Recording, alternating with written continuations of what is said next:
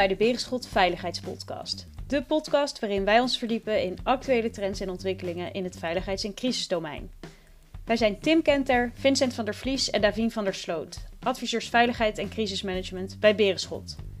Vandaag gaan we in gesprek met collega Mariska Peters over de evaluatie van de wet veiligheidsregio's. De wet veiligheidsregio's regelt een goede samenwerking bij rampenbestrijding door de regionale hulpverleningsorganisaties. Toen in 2010 de wet in werking trad, is direct besloten dat die na 10 jaar geëvalueerd moest worden. Mariska ondersteunde de commissie Evaluatie Wet Veiligheidsregio's en gaat met ons in gesprek. Wat houdt de wet precies in? Wat heeft de evaluatie ons geleerd? En hoe worden conclusies en aanbevelingen omgezet naar de praktijk? Ja, we kunnen natuurlijk niet om de overstroming in Zuid-Limburg heen. Ook in Duitsland en uh, België hebben we gezien dat dat best wel heel erg veel impact heeft. En opvallend genoeg hebben wij twee weken geleden in een podcast, heb ik ook genoemd, de, de stormschade in, uh, in Leersum. En waarvan ik zei, ja, eigenlijk heb ik dat nog nooit meegemaakt. En nu opnieuw zie ik een, kom ik in een situatie waar ik eigenlijk dat nog nooit heb meegemaakt, dergelijke overstromingen. Terwijl ik wel weet dat het in 93 ook een keer de Maas is overstroomd. Misschien Vincent, kan jij iets meer over vertellen? Ja, met al mijn levenservaring heb ik dat mee mogen maken. Maar niet alleen qua leeftijd, maar ook omdat ik in die buurt woonde. Uh, en dan niet zozeer in Limburg, maar ik uh, kom uit, uh, uit de Polder, echt de Albasse Waard. En bij ons speelde dat ook heel erg namelijk op dat moment, in, zeker in 95. En het verschil met nu is dat in 95 waren het de Maas en ook de Rijn die heel erg hoog water hadden. En daardoor ontstond de situatie dat de Waal, de Maas, de Lek, die allemaal heel erg hoog water hadden. Dat ook echt heel veel mensen moesten evacueren, echt iets van 250.000 uiteindelijk. Toen destijds had je natuurlijk nog geen geen e-mail of uh, NL-alerts of iets dergelijks, maar dat er gewoon echt een brief van de gemeente huis en huis werd verspreid. Van sta stand-by, want als er een dijk doorbreekt, dan, uh, dan kan het zomaar zijn uh, dat je als de sodemieter moet, moet gaan evacueren. Dus jullie misten de NL-alert wel dat, op dat moment, denk ik? Nou ja, gewoon überhaupt informatievoorziening was natuurlijk heel erg uh, afhankelijk van, van radio, televisie en de updates die daar kwamen. Voor de rest was er niet echt iets anders of zo, weet je. Dus vandaar dat het ook echt gewoon huis en huis werd verspreid toen. Maar wat ik zeg, we, wonen in een klassieke badkuip. We zaten eigenlijk aan de noordkant en de zuidkant, van west naar oost ook, tussen de dijken. En als er eentje was doorgebroken, dan was gewoon heel die polder uh, in principe volgestroomd. En dan hadden al die mensen gewoon hun huis onder water gestaan, waaronder ook uh, dus die van ons. Vincent, hoe zou het nou komen dan dat het nu minder impact heeft dan destijds? Nou ja, het groot verschil is natuurlijk vooral dat daarna is het hele Ruimte voor de Rivierprogramma opgestart. En dat resulteerde in die, die korte jaren daarna ook echt dat er heel veel geïnspecteerd is wat er allemaal moest gebeuren aan dijkverzwaringen, dijkverstevigingen, uh, uitbreiding van de uiterwaarden. Er mocht ook helemaal niks of bijna niks meer gebouwd worden. Zodat er echt, echt meer ruimte voor dat water moest worden gemaakt. En uh, het verschil natuurlijk ook met, met, met de andere landen is dat bij ons heel veel gevallen is, maar daar natuurlijk ook heel veel gevallen. Dan eerst natuurlijk vanuit Duitsland en België nog naar ons toe gaat. Dus je hebt iets wat vertraging in de tijd. Dus je hebt ook wat meer tijd om te, om te evacueren. Vooral ook echt dat heel veel ruimte is gegeven aan het water. Dat daardoor ja, weliswaar natuurlijk uh, best wel wat, uh, wat persoonlijke drama's zijn met, uh, met schade. In Valkenburg bijvoorbeeld, waar natuurlijk echt alles wel onder water heeft gestaan bij Meersen. Maar succes eigenlijk van het beleid vooral dat doordat er heel veel ruimte is gegeven aan het water, dat, dat het dus meer stroomafwaarts ja. eigenlijk best oké okay is gegaan. En nog lang niet alles klaar is, want er moeten nog gewoon projecten afgerond worden ook voor het ruimte voor de rivieren. Maar dat het in ieder geval weliswaar ook krap aan, want dat viel me wel op. Het is echt, op sommige plekken scheelde het echt niet veel of het ging alsnog over de dijk heen. En dat is natuurlijk misschien wel een punt van zorg. Maar dat wel echt best wat succes ook is van zo'n langdurig beleid voert. Daardoor geen slachtoffers en minder uh, schade is gevallen. Ja, dat, dat is een van denk ik van hele mooie ontwikkelingen. Wat ik daarnaast ook een hele mooie ontwikkeling vond, is de manier waarop je ziet dat al die veiligheidsregio's zijn gaan samenwerken. Maar niet alleen de veiligheidsregio's. Hè. Je zag onder andere Defensie die uh, kwam uh, bijstand leveren. Je zag de reddingsbrigade zag je langskomen. Er is in Zeist is een, een, landelijk actiecentrum opgericht voor de brandweer. Waar al die mensen bij elkaar kwamen. En eigenlijk allemaal bijstandsvragen gingen, gingen oplossen. Dat ging van piketfunctionarissen, brandweerkorpsen. Omdat er natuurlijk ook gewoon heel erg... Op een gegeven moment uh, heb je ook gewoon capaciteitsproblemen. Dus je zag gewoon een bepaalde mate van samenwerking. En je zag ook een bepaalde mate van van veerkracht van al die mensen, die burgers die gewoon uh, met elkaar dat probleem proberen op te lossen. Ook als je er niet bij kan komen als brandweer, merk je gewoon dat ze heel erg met elkaar uh, deze crisis proberen het hoofd te bieden. En dat vond ik uh, heel erg mooi om te zien. Wat je ziet is dat wij als Berenschot heel veel organisaties helpen voor te bereiden op, op rampen en crisissituaties. Dat kunnen zijn trainingen, dat kunnen zijn oefeningen. En hoogwaterscenario's zijn eigenlijk, gebruiken we heel vaak omdat het heel dicht bij de mens staat. Maar Ook omdat het, je heel veel verschillende partijen daarbij nodig hebt. En als je dan ziet wat, hoe dat dan... Tijdens een oefening gaat dat niet altijd goed. Uh, maar je merkt nu ineens wel dat op het moment dat er een situatie er echt toe is, dat je ziet ook dat hoeveel hulp je van, buiten, van buitenaf kan krijgen. Uh, en hoe je toch eigenlijk ervoor zorgt met elkaar uh, dat het toch wel lukt. Ja, nou ja, een beetje onder stoom en kolkend water in dit geval komt het dan toch allemaal wel goed inderdaad. Precies. Het heeft toch geholpen denk ik, al die oefeningen en trainingen die, we dan, die je met elkaar doet. Nee, zeker. Maar weet je, dat is ook wel het mooie natuurlijk van de inzet, bijvoorbeeld ook met het leger. Weet je, heel veel is ook improvisatie. Dan zie je dat, uh, dat zo'n landmacht daar ook echt heel goed in is om gewoon geïmproviseerd wel gewoon de juiste dingen te doen en, en, en bijstand te verlenen. Als je uh, nog een keertje iets meer erover wil weten, niet alleen jij, maar ook gewoon de luisteraar natuurlijk zelf, dan kan ik zeker ook de documentaire serie Hoogwater aanraden. Die is vorig jaar januari uh, verschenen, 25 jaar na die overstroming van 95. En daarin wordt in een aantal afleveringen die hele tijdslijn van iets meer dan een week wordt verteld aan de hand van ooggetuigenverslagen en van beelden. En dat geeft ook echt een heel mooi beeld ook van hoe dat destijds gegaan is. En ja, dat is echt een aanrader voor mensen die er meer over willen weten. Mariska, wat leuk dat je meedoet aan onze podcast. We gaan het met je hebben over de evaluatie op de wet veiligheidsregio's. Nou, misschien de eerste vraag, een beetje open deur. Wat is eigenlijk uh, de wet veiligheidsregio's? Ja, Tim, leuk dat ik hier mag zijn in jullie podcast. En de wet veiligheidsregio's is een samengestelde wet uit 2010 naar aanleiding van de vuurwerkramp in Enschede en de brand in het café Het Hemeltje. Daar werd duidelijk dat de brandweerorganisatie en de geneeskundige hulpverleningsorganisatie, dat die samenwerking nog wat beter zou kunnen. En om die te verbeteren is er toen een uh, nieuwe wet gemaakt. En dat is een samenvoeging van verschillende wetten geweest, waaronder de wet brandweerzorg. En dat is de wet veiligheidsregio's geworden. En de wet veiligheidsregio's die regelt dus een goede samenwerking in de rampenbestrijding voor de regionale hulpverleningsorganisaties. Hey, en Mariska, een wet en een evaluatie, dat klinkt allemaal vrij abstract en misschien zelfs een beetje saai. Maar waarom moeten wij het hier vandaag over hebben, wat jou betreft? Ja, zeker. Wetten die klinken aanvankelijk niet als het meest sexy uh, item. Maar wetten die zijn wel belangrijk, want ze vormen de grondslag op basis waarvan je kan samenwerken überhaupt. En wat je ziet is dat er eigenlijk steeds meer rampen en crisis zijn. Nou, ik weet niet of ze er echt meer zijn, maar er wordt vaker over gesproken. Je ziet het vaker in het nieuws. Er wordt meer samengewerkt door verschillende organisaties. En bij het maken van deze wet in 2010 werd al eh, direct gezegd: hij moet over tien jaar geëvalueerd worden. Zodoende um, hebben we dat dus ook gedaan. En het is belangrijk omdat het zorgt dat we goed voorbereid zijn op het moment dat er een ramp of crisis komt om de effecten zo goed mogelijk te beheersen. Dan is die geëvalueerd en jij hebt daar een grote rol in gehad. Kun je eens vertellen over hoe je daarbij betrokken bent geraakt en wat je precies hebt gedaan? Ja, zeker. De wet die is geëvalueerd door de evaluatiecommissie Wet Veiligheidsregio's onder voorzitterschap van Erwin Muller. Decaan in uh, Leiden bij de universiteit. Ja, zeker. En hij en zijn commissie die werden ondersteund door een staf. En ik ben een van de stafleden die het uh, onderzoek hebben uitgevoerd. En wat houdt het dan precies in, een staflid zijn en het onderzoek uitvoeren? Wat heb je dan zoal gedaan?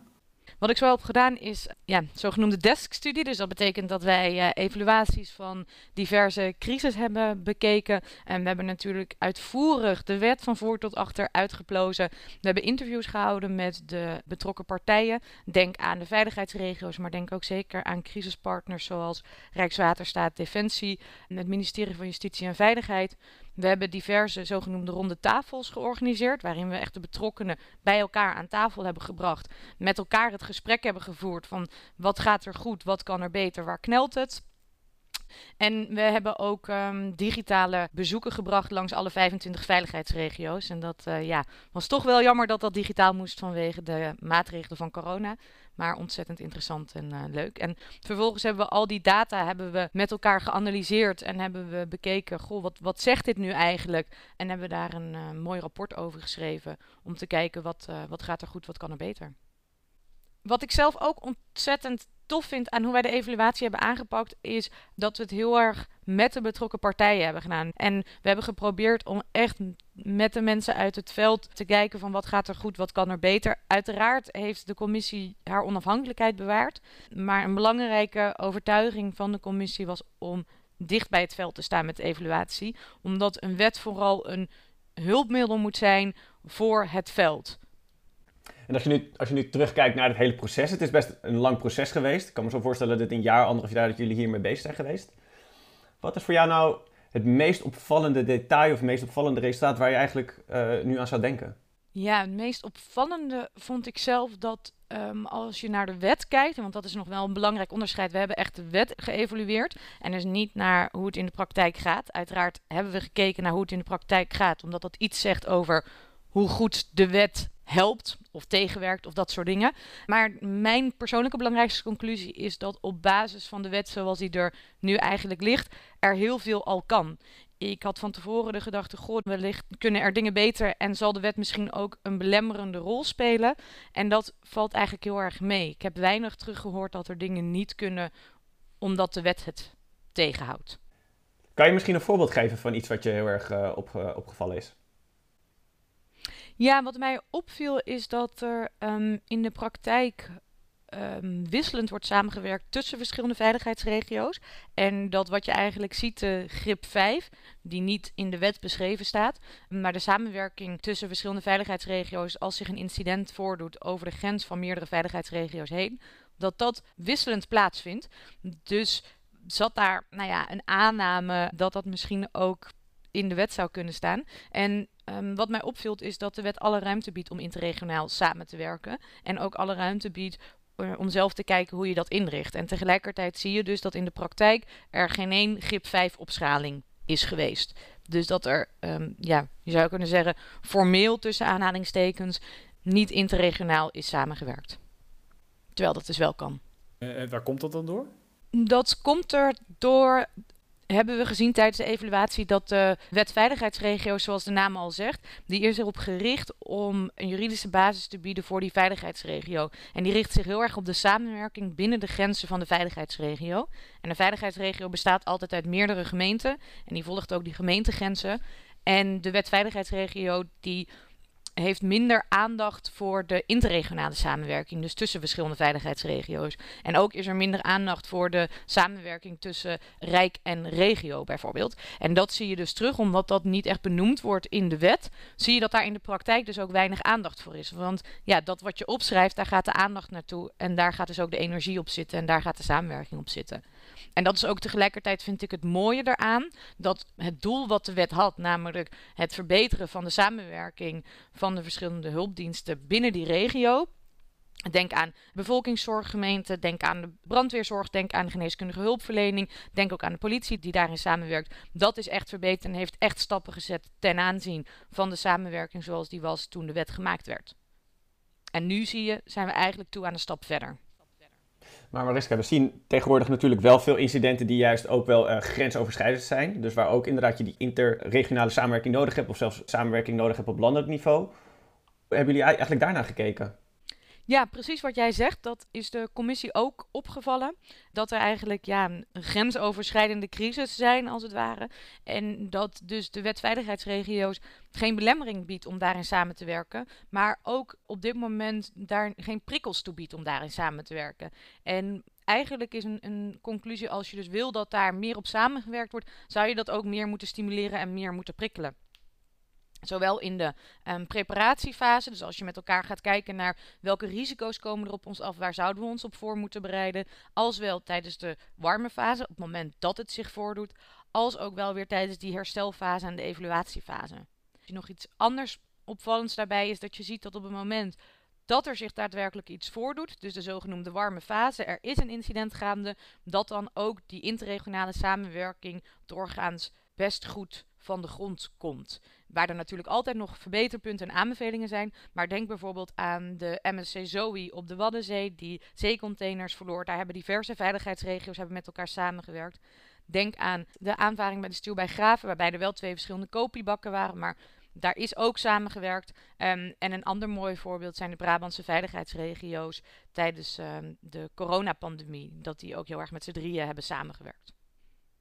Dus je ziet dat het wel gebeurt, maar het wordt eigenlijk nooit een grip 5 genoemd. Wat uiteraard niet erg is, want een formele term, um, daar is niet waar het om gaat. Maar het kan beter en het kan meer. Nee, precies. Nou, over corona komen we zo meteen ongetwijfeld ook nog even kort uh, te spreken. Maar als je kijkt naar de conclusies vanuit het rapport, dan zie je toch, of dan lees je toch eigenlijk dat als het gaat over crisisbeheersing, dat er toch af en toe misschien wel nog wat uh, te wensen overgelaten is bij het maken van die wet, uh, wetveiligheidsregio's. Als het gaat over die crisisbeheersing, wat, wat is dan hetgene wat je het meest is opgevallen bij de evaluatie van deze wet? Wat me het meest is opgevallen is eigenlijk wat je zegt. De wet richt zich vooral op de rampenbestrijding. En dit is een beetje een juridisch onderscheid tussen crisis- en rampenbestrijding. En je ziet dat, zoals ik al zei, de wet is gemaakt naar aanleiding van de samenwerking bij de brand in Café Het Hemeltje, de vuurwerkbrand in Enschede. En dat waren, ja, zoals ik al zei, dat waren allebei grote branden, hele fysieke dingen. En als je kijkt waar we nu voor gesteld staan, denk aan een cyberaanval waardoor Citrix het in één keer niet meer doet. Denk aan corona. Dat zijn allemaal zaken die zich door het hele land voordoen, die niet echt een directe fysieke plek hebben waar ze zich voordoen. En waarbij je ook met heel veel andere partijen en andere organisaties moet samenwerken om het probleem en vooral ook de effecten aan te kunnen pakken. Want zeker als je bijvoorbeeld naar corona kijkt, dat heeft de hele maatschappij geraakt. En dat kan je niet oplossen door te zeggen, nou we gaan als brandweer, geneeskundige hulpverleningsorganisatie, gemeente en politie bij elkaar zitten. Nee, dus eigenlijk wat je zegt is dat het zich uh, heeft geëvalueerd van eigenlijk een punt op de kaart waar een bepaalde ramp zich plaatsvindt, die eigenlijk een beetje kenbaar is, maar in beperkt in omvang, hoe noodlottig ook, naar iets wat meer voelbaar is als crisis binnen de hele BV Nederland, zeg maar. Ja, inderdaad. En daar moet dan ook, op, uh, ook uh, opnieuw op worden geacteerd en een nieuwe manier van omgang vinden met dat soort type crisis. Ja, dat is het inderdaad. Want wat jij zegt, die punten op de kaart, dat was ingewikkeld, complex, maar tegelijkertijd zou je ook kunnen zeggen, met wat we nu weten en waar we nu zitten, ook wel weer vrij overzichtelijk. Wie je daarbij moet hebben waar het zich voordoet. En nu zie je dat we steeds vaker worden geconfronteerd met situaties die ongrijpbaarder zijn. Waarbij het nog veel meer partijen een rol spelen. Waarbij in potentie iedereen in één keer een crisispartner is geworden. En dat dus ook iets anders vraagt van hoe je met elkaar samenwerkt en wie erbij betrokken zijn. En dat, en dat zegt misschien ook over wat over natuurlijk in de periode waar we nu zitten, de COVID-19-crisis. Hoe hebben jullie die COVID-19-crisis meegenomen in de wet veiligheidsregio's? Ja, dat was heel interessant. Heel gek was het, want we waren de wet aan het evalueren. En toen zaten we in één keer midden in de grootste crisis die zich voordeed van het hele bestaan van de wet.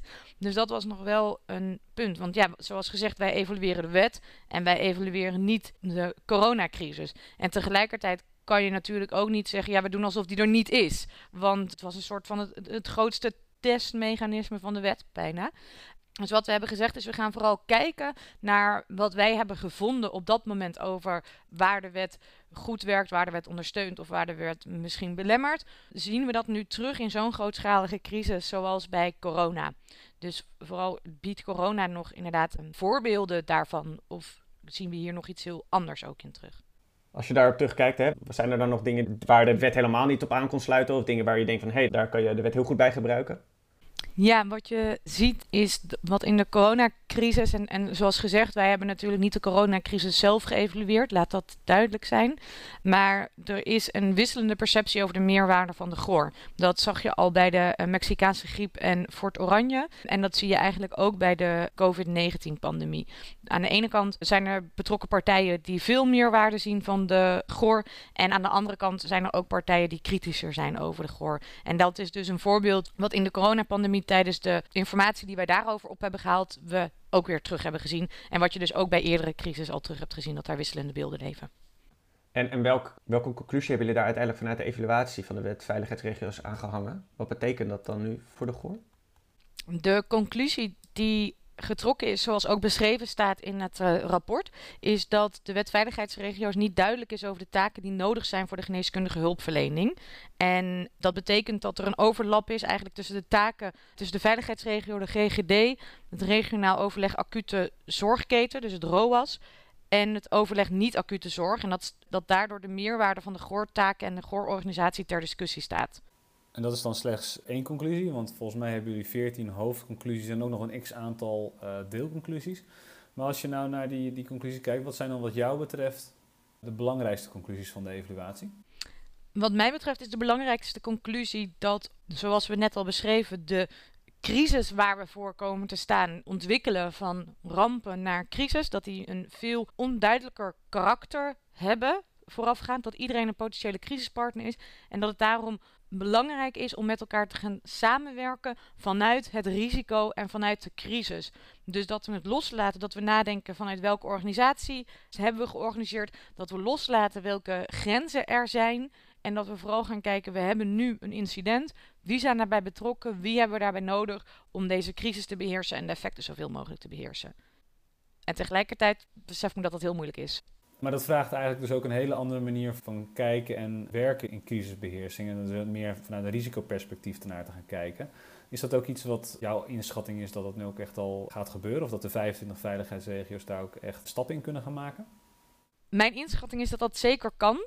Ook dat dat nu al kan, nog voordat er een wijziging is geweest in de wet. Tegelijkertijd is dat het allerbelangrijkste. Op het moment dat je gaat kijken naar het risico en naar de crisis, is de veiligheidsregio niet meer per se de centrale spil. Het gaat erom dat je met elkaar samen gaat werken en dat je met elkaar gaat kijken wat is er nodig, welke partijen zijn er betrokken. En je ziet dat daar reeds stappen in gezet worden door bijvoorbeeld het recente landelijk crisisplan Straling. Dat is niet langer een nationaal crisisplan, dus van de nationale overheid, maar het is een landelijk crisisplan waarbij de nationale betrokkenen, de regionale betrokkenen met elkaar hebben gekeken. Als dit zich voordoet, dan eh, gaan we sowieso verschillende regiogrenzen over. Welke partijen moeten hierbij betrokken worden en op welke manier gaan we met elkaar samenwerken. Dus echt vanuit dat incident kijken en niet meer vanuit de organisatie kijken. Mooi. En dat is volgens mij een belangrijke en moeilijke paradigma shift. En nu hebben jullie dus uiteindelijk de evaluatie gedaan op de wet veiligheidsregio's. Hoe gaan we nu verder? Wat betekent dit nou voor de wet aan zich? En hoe gaan we hier de, de conclusies en aanbevelingen, hoe worden die nou geïmplementeerd? In december hebben wij, um, of heeft de commissie het uh, rapport aangeboden aan de minister van JNV.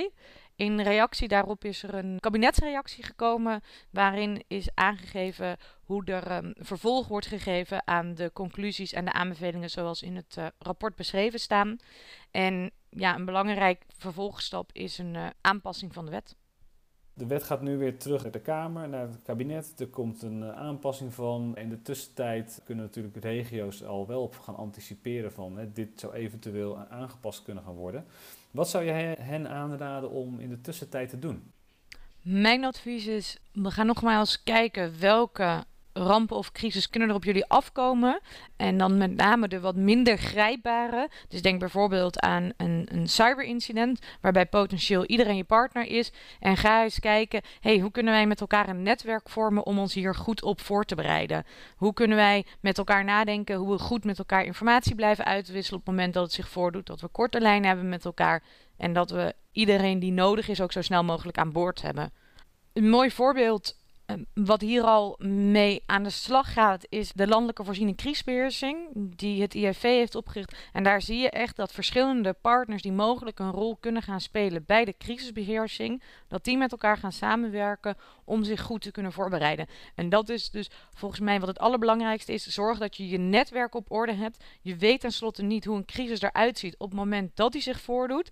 We kunnen heel veel scenario's bedenken en toch kan je er donder op zeggen dat een crisis er net anders uitziet. Dus zorg vooral dat je je partners kent en dat je met elkaar dat netwerk vormt. Een ander punt wat ontzettend belangrijk is, ga het gewoon doen. Begin klein. Ga niet denken dat je meteen de hele wereld moet veranderen, maar juist ga met elkaar experimenteren. Ga, ga in netwerken kijken, bijvoorbeeld rondom cyber. Hoe kunnen we dat doen? Het is iets wat alle 25 veiligheidsregio's raakt. Ga het niet 25 keer opnieuw bedenken. Dat is ook heel ingewikkeld voor landelijke partijen. Die hebben er ook baat bij dat er wat meer organisatie is onderling om op die manier goed te kunnen samenwerken. Mooi. Dankjewel Mariska. Fijne toelichting op wat je gedaan hebt. Ook namens mij heel erg bedankt Mariska. Graag gedaan. Leuk dat ik hier mocht zijn.